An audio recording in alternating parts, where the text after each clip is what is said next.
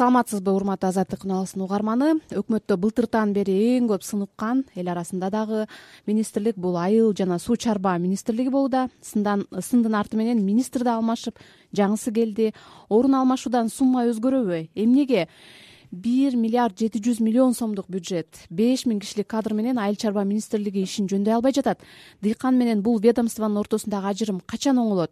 Ушул жана башка суроолорго жооп алыш үчүн бүгүн э, студияга кыргызстандын айыл чарба суу чарба министринин орун басары жаныбек керималиев жана ишкер дыйкан тилек токтогазиевди чакырдык. Кош келдиңиздер. Анда эмесе э, суроолорго өтсөк. Жаныбек мырза бир нече күн мурда жаңы министр жыйын өткөрүп ондогон кызматкерлерге сөгүш жарыялады деген жаңылык дагы бир коомдо талкууланып калды да кызуу талкууланыпчы.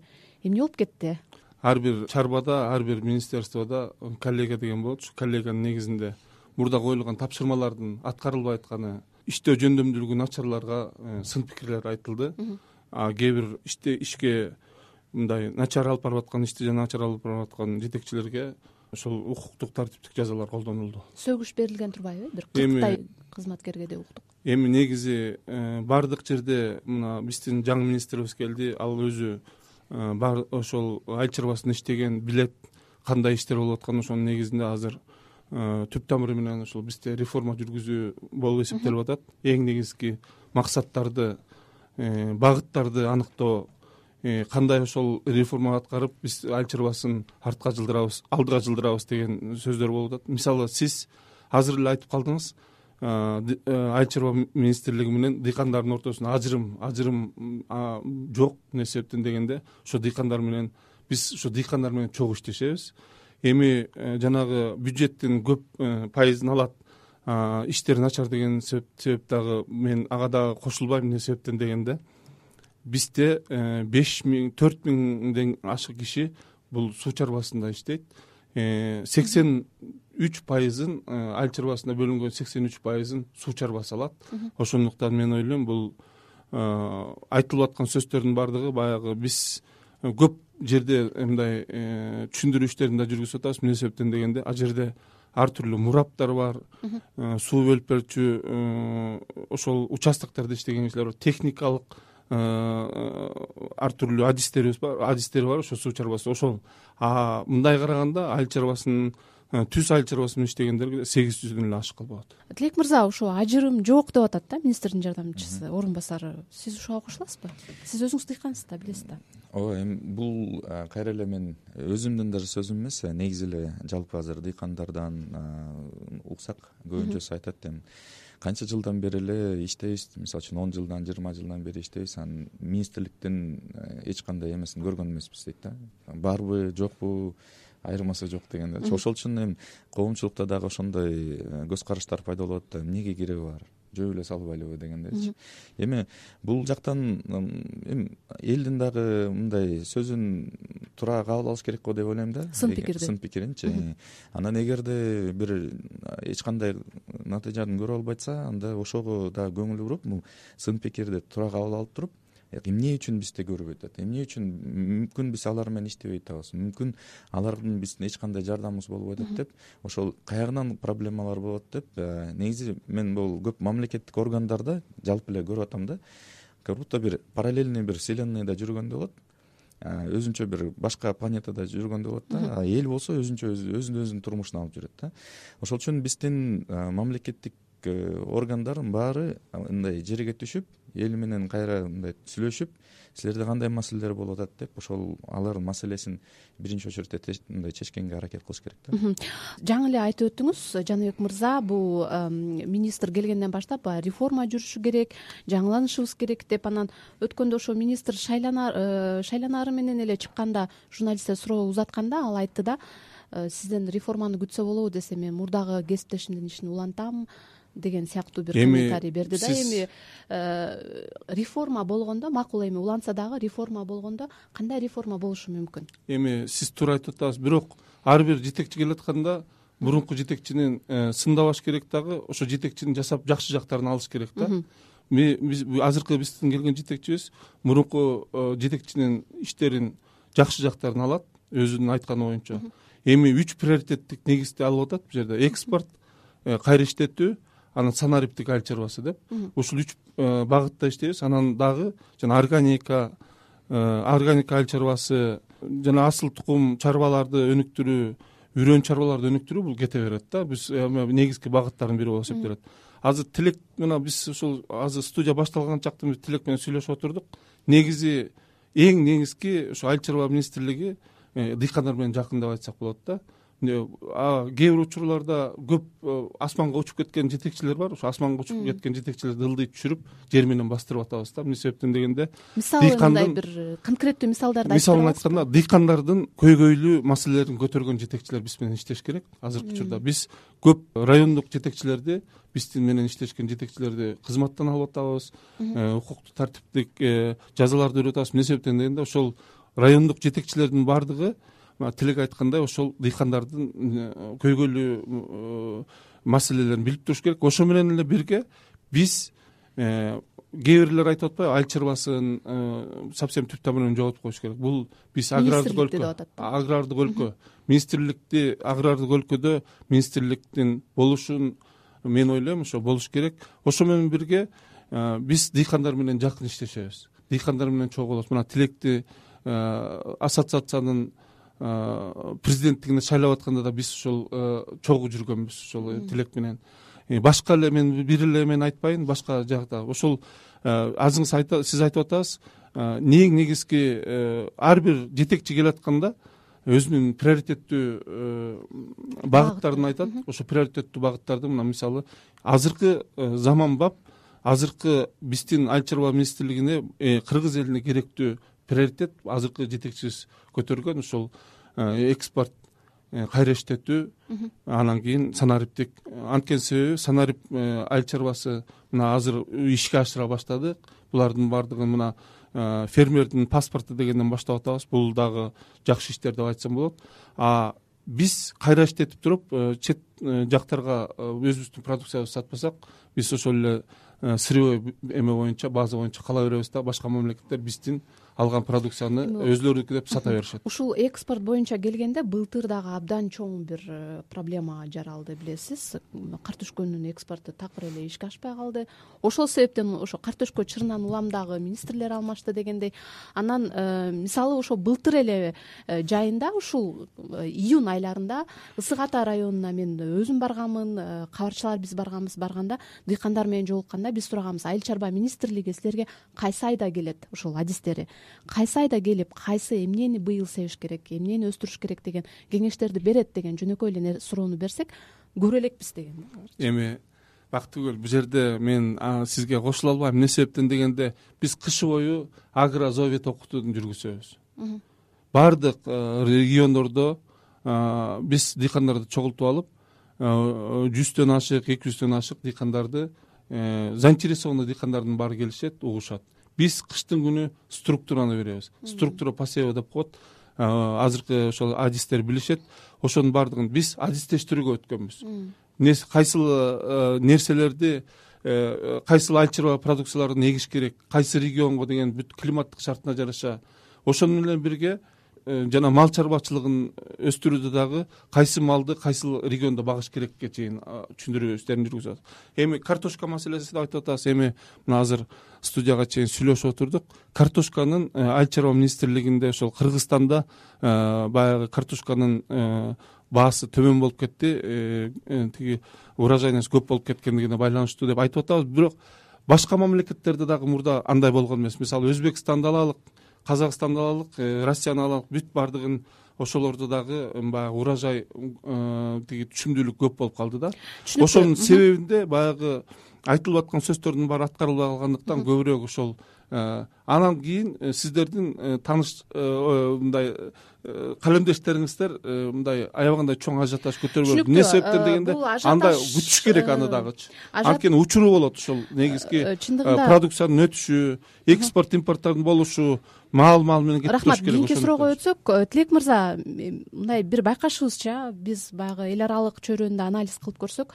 Э, көп өнүккөн айыл чарбасы өнүккөн өлкөлөрдө бир ведомство жок да. э, мамлекеттик бир ведомство мындай билинбейт анын бар экеничи. Бул тармакты дыйкандар өзү эле башкарат да. Бизде деле ошондой бир атмосфераны кырдаалды түзсөк болобу? Эми сөзсүз түрдө ошол жака барыш керек да. Бизде кайра эле айта кетейин бул жыйырма сегиз жыл мурун советтик система жоголгону менен бул э, коом тарапта жоголуп кеткен да. Коомду жөн эле ыргытып койгон өзүң өзүңдүн турмушуңду алып кет деген да. Бирок мамлекеттик система мамлекеттик башкаруу системасы бул советтик система менен эле калган да. Бирок бул иштебей атат. Мына биз көрүп атабыз токсонунчу жылдары айыл чарбанын салымы ввпга салымы кырк алты пайыз болчу да.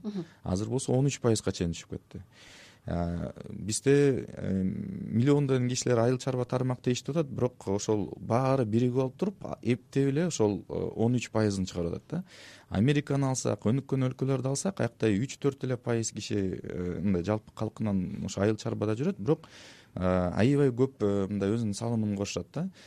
Голландияны эле алгыла голландияда айыл чарба продукциясын жүз миллиард еврого жылда сатат экен. Экспортко экспорт бул. Голландиянын гүлдөрү да келип атпайбы бул голландиянын эмеси бул ысык көл областынан кичинекей аянтычы бирок эмнегедир ушундай кичинекей өлкөлөрдө биз көрүп атабыз булар жүз миллиард еврого экспорт эле кылып аткан бул ичинен дагы сатылгандар бар плюс сыртка кетип аткандарчы. Бизде кыргызстан боюнча ввпсы эле ошол канча эми андан он эсе он эки он беш эсе азыраак болуп атат да. Ошол үчүн менин оюмча буякта структурный ичинде полностью реформа жасаш керек. Азыркы могу э, эски система менен иштеген уже болбойт. Бул мисалы үчүн ниеттери мен көрүп атам бизде баары көбүнчө любой министрликке барсак байкелердин ниеттери жакшы. Бирок ошол эле убакта ыкмалары технологиялары эски да ошону сөзсүз түрдө мисалы үчүн маалыматты чогултуп атканда ал кандай чогулат? Айыл өкмөттөр аркылуу чогулат э, кимде кандай маалымат бар? Бергилечи бергилечи деп туруп анан ал маалыматтын көбүнчөсү туура эмес маалымат чогулуп калат да. Туура эмес маалымат болгондо аны башкарыш оор болуп калат. Дыйкандын өзүнөн маалымат келбейт демек э негизи азыр болсо жаңы технологиялар бар. Мына жакында эле бирөө менен сүйлөштүм эле. Бул муну арзан эле баада космостон эле э, снимок жасап каякта эмне өстүрүлүп атат дегенди билип койсо болот бул деген уже эми эч кандай тетиги ал ал үчүн штатта кишилерди тең жүздөгөн кишилерди сактаган кереги деле жок да. Ал үчүн жөн эле ал ошол жанакы жакшы сапаттуу сүрөт тартылат экен. Анан компьютер өзү чечет экен да. Буякта буякта мисалы үчүн картошка эгилиптир буякта арпа эгилиптир деп бүт бүт баарын өзү чыгарып берип коет. Ошол деген жүз пайыз так маалымат чыгат да.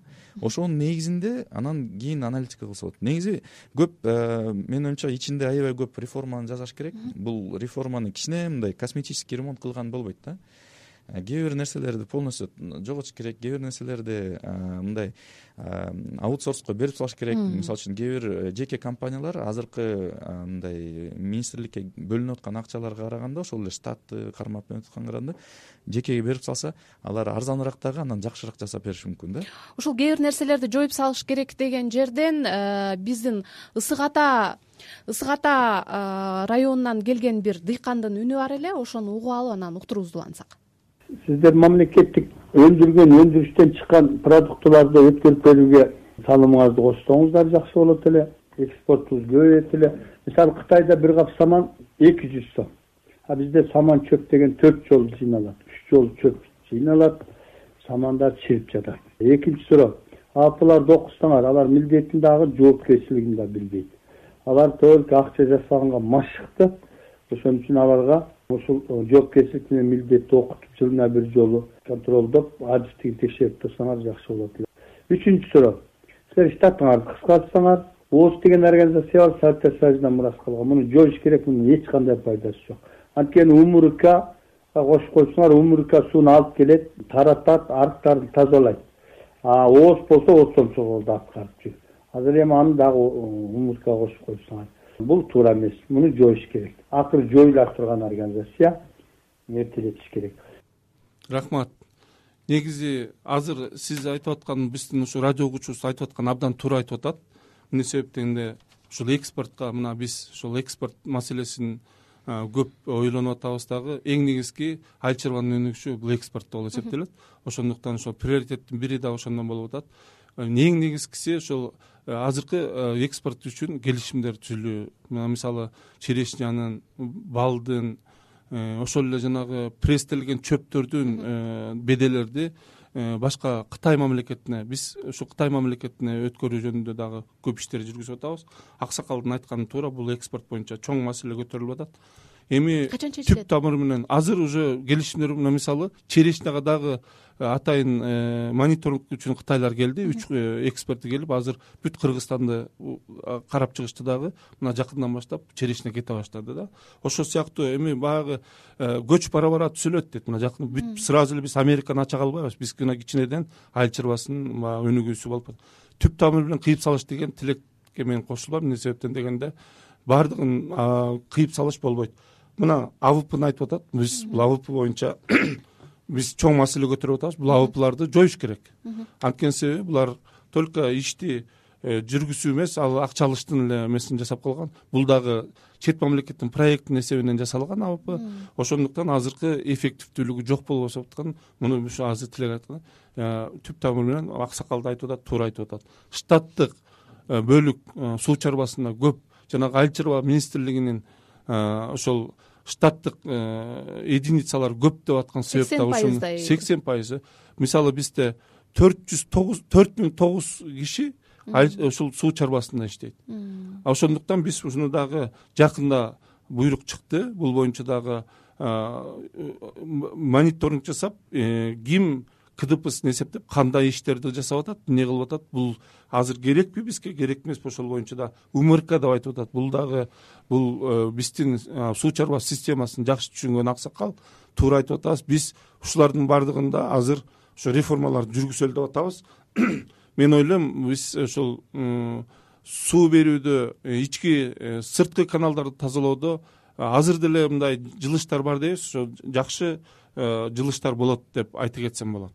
Уруксат болсо жаныбек беке сизге мындай жалпы эле мына министрликте уже канча беш алты жылдан бери иштеп атасыз да э ошол эң негизги индикатор көрсөткүч айыл чарба министрлиги азыр кандай? Эмне мындай жакшы иштеп атат же жаман иштеп атат деген бир көрсөткүч барбы министрлик анализ. тилек э, негизи азыр жанагы башында ошол ввп жөнүндө да айтып калдым азыр кечирип коюңуз угарманыбыз байланышка чыгыптыр андан кийин анан сөзүбүздү уласак байланыштасыз угуп жатабыз саламатсызбы? Алло саламатсыздар. Менин суроо мындай да бул мен бул ушул сапарга дайындоого түшүнбөй калдым да мурун иштеп жүргөн замминистрди алып келди бул ошол учурда иштебеген эми эмне кылат билбейм бул биринчи суроо.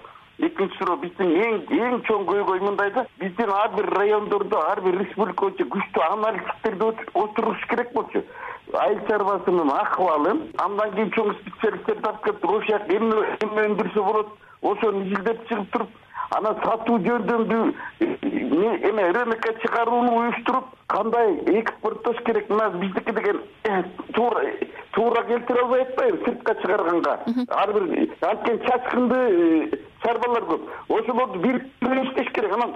Азыр эчтекеси жок эле бул мчске окшоп калды да жана пожарканы талкалап туруп мчстер начальник болуп алды. Азыр пожарка твердо менен жок. Жалаң эле пожарниктер жоктур э, келип алып мчс эме пожарниктер мисалы үч миң болсочу штаты а мчсниктердики болгону тогуз жүз. Анан ошо тогуз жүз киши үч миң кишини башкарып отурат да. Мына ушул айыл чарбасында да ушул сыяктуу. Анан биникти айтып өткөн жок ылдый жакта бирөө айтса эле чоңдоп ошону угуп алып эле анан ии ошондой деп эле атат мына азыр айыл чарбаны билгендер келип анан иштеш керек. Азыр мурункулар баягы эмне кылат элдин баары ошол мнение да рахмат рахмат. Бул жерде мен угуучуга кошулбайм. Эмне себептен дегенде аналитик менен айыл чарбасын билген адис эки башка Э, азыркы министрди биз э, бирок баары бир анализ керек. анализ неме адис э, айыл чарбасын билген адис анализди жасай алат ошондуктан мен ойлойм азыркы жулуш азыркы назначение туура болду. Өзүнүн көз караштары бар чыгаан өзүнүн ишин билген жигит келди. Биз кудай буюрса колдоп алдыга жылдырып иштей алабыз да.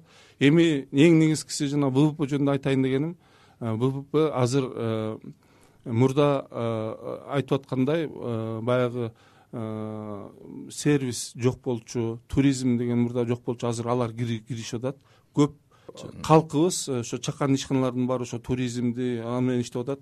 Мурда айыл чарбасы менен эле анан ошо ввпнын ылдыйраак болуп аткан себеби дагы кайра иштетүү айыл чарбасында да тилек жакшы билет бактыгүл сиз да жакшы билесиз. Ал болсо статистикага кирбейт да айыл чарбасынын ошол ввпсына кошулбайт да ошондуктан бул жерде да караш керек негизи. Жок кошондо деле эми негизи ошол эң негизги фактор сизде ввп болуп атабы жок эми ввпдан эмес Э. негизи ввп деп айтып атпайсыңбы ушул себепти айтып атам. Бирок силер жакшы иштеп атасыңар же жаман иштеп атасыңар деген көрсөткүч Индикатор, көрсөткүч эмне? биздин эң негизги э, индикаторду ушул баягы анализ анализдин негизинде э, биздин жакшы иштеп аткан жаман иштеп атканыбызды э, билип туруш үчүн өзүбүздө э, тогуз программа бар. Ошол тогуз программанын негизинде иштерди алып барып атабыз. Сырттан бир Э. анализ жасалбайбы? Мисалы ошол эле э, жарандык коомдон балким дыйкандардын өзүнөн. мына жарандык коом булар айтып атышат булардын өзүлөрүнүн индикатору бар.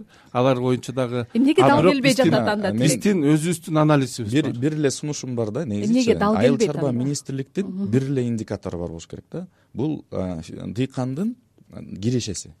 Дыйкандын кирешеси чоң болсо значит министрлик жакшы иштеп атат. Дыйкандын кирешеси болбой банкрот болуп атса значит министрлик жаман иштеп атат да. Биз деген мына биз ошо бизнес тармакта жүргөндө деле аябай көп ар кандай индикаторлорду кое алсак башы айланат да. Ошол үчүн бир эле эң негизги эң негизги түп тамырын бүт ошол камтыган баарын бир бир эле индикатор болуш керек да. Менин оюмча эгерде деле биздин дыйкандарыбыз бай болсо айыл чарба өнүгөт да дыйкандарыбыз бай болсо жаңы технологияларды алып келет. Ошол үчүн биз дагы эми бул э, ошо кирешесине эки эле нерсе таасир этет бул технологиялар бул канча түшүмдүүлүгү бар көбүрөөк болсо ошончо э, акчасы дагы көбөйөт да. И баасы сатылып аткан баасы. Ошол үчүн технология жаңы технологияларды алып келип биз түшүмдүүлүгүн көбөйтүш керек.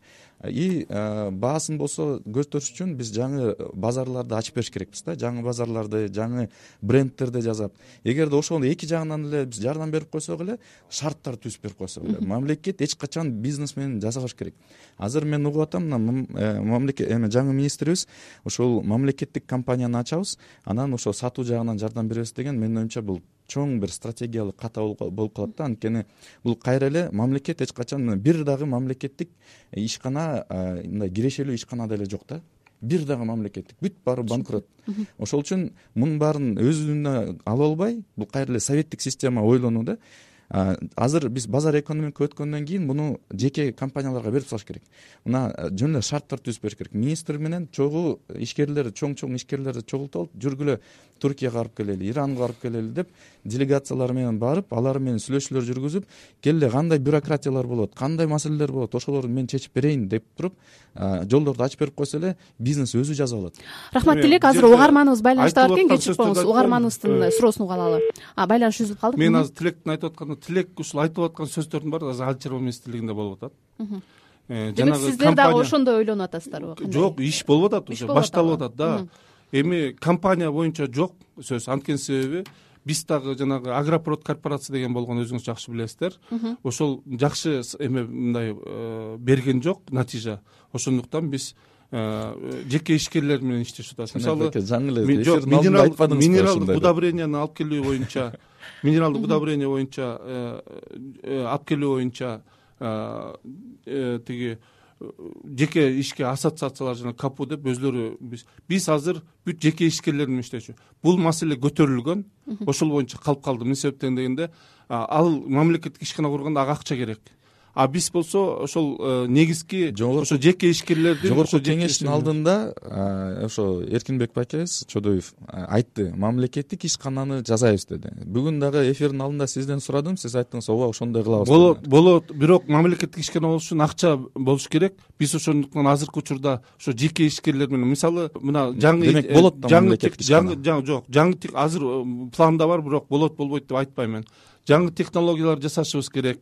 Э, мисалы санариптешүү деп атасыз. Жок жаңы технология эмнеде? Жаңы сортторду алып келүү азыр иштердин баары болуп атат. Мына мисалы өзүңүз эле ысык атан айтып атасыз таза жан деген ошол атайын кооператив бар. Э, үрөөнчүлүк кооператив. Мына жаңы үрөөндөрдү алып келип мурда эки жүз килограммдан э, эметсе азыр жүз жыйырма килограммдан берип эме кылып тиги жаңы түшүмдүүлүктөрдү алуу азыр бул дагы иштебейт деген түшүндүрүп берип коеюн. Эмне үчүн иштебейт? Анткени мына жакында эле мен европанын бир чоң компаниянын өкүлү менен сүйлөшкөм. Ал айтат кыргызстандын ичинде силерде контрафакт менен контрабанда аябай көп өнүккөн дейт. Анан биз бияка аракет кылганбыз дейт. Келгенде жалал абадта бир выставкага катышыптыр. Выставкага келсе э, сингента деген компаниянын өзүнүн эмесин жөн эле мындай э, кечирип коюңуз тилекке каршы биздин убакыт аякта калды биз бүгүн айыл чарба министрлигинин ишин талкууладык. Талкууга министрдин орун басары жаныбек кермалиев жана ишкер дыйкан тилек токтогазиев катышты талкууну мен бактыгүл чыныбаева жүргүздүм. Саламатта туруңуз